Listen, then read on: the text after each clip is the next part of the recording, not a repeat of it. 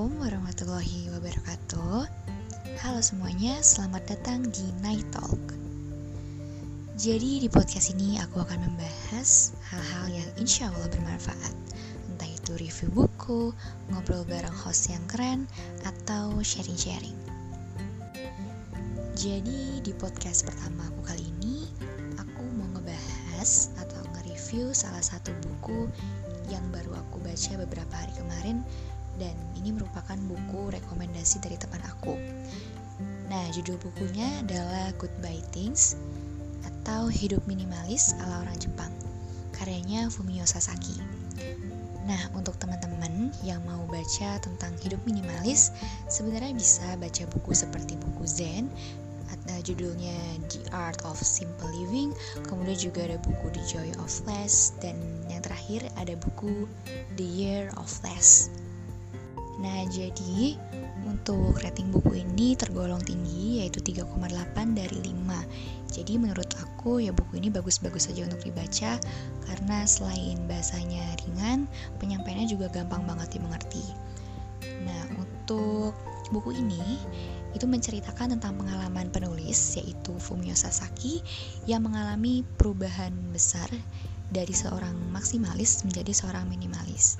Nah, dia sendiri menceritakan kisah hidupnya gimana dulu saat menjadi sosok maksimalis itu benar-benar gak karuan kayak apartemennya penuh dengan barang-barang yang gak berguna kemudian juga kamar tidurnya itu penuh sama buku-buku yang dia nggak baca kemudian juga lemarinya itu sesak dengan pakaiannya cuma dia pakai 4 sampai 5 kali aja dan semuanya ini tentunya berdampak ke psikologis penulis Selain itu juga, apartemennya itu banyak banget sama benda koleksi yang jadi kegemarannya kayak misalkan gitar, kemudian juga ada pengarah suara yang udah ketutup debu, kemudian juga ada buku panduan belajar bahasa Inggris yang gak sempet dia baca, bahkan kamera antik yang gak pernah dia pakai sama sekali.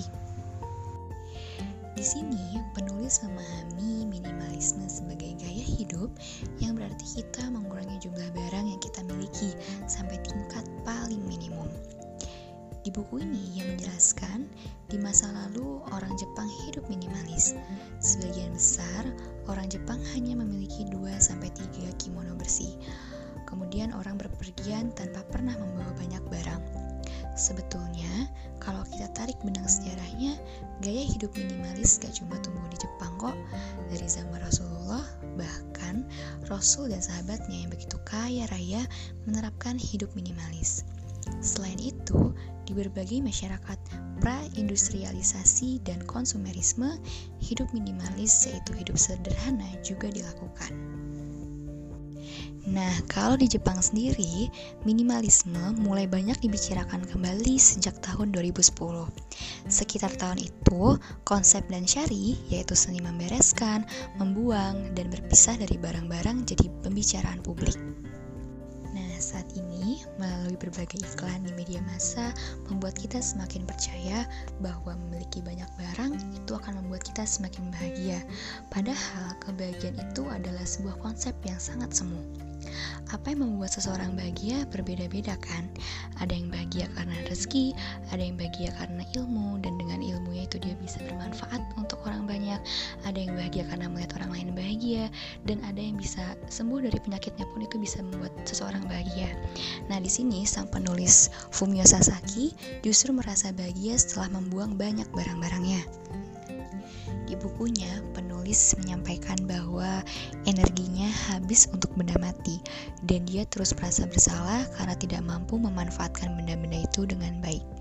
Di saat bersamaan, ia terjebak dalam lingkaran setan yang lain. Meski sudah punya banyak barang, ia tak berhenti memikirkan barang yang belum ia miliki. Ia cemburu pada orang yang punya barang lebih darinya. Katanya, menyingkirkan barang membantu memutuskan lingkaran setan itu. Ia memberi saran, bila kamu mengalami apa yang ia rasakan sebelum menjadi minimalis, yaitu seorang maksimalis yang tidak puas dengan kehidupan, merasa tidak aman, tidak bahagia, cobalah mengurangi barang-barang di sekitarmu, dan kamu akan berubah.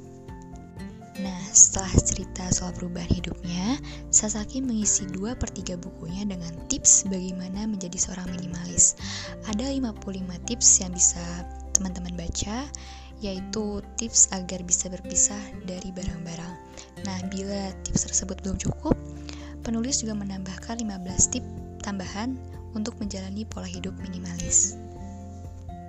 Nah, hingga saat ini, Sasaki tinggal di apartemen kecil di Tokyo dengan tiga kemejanya, empat celana panjang, empat pasang kaos kaki, dan sedikit benda lainnya. Dan dia pun enjoy menjalaninya. Hmm, seharusnya sih kita juga bisa ya. So, berani mencoba menjadi minimalis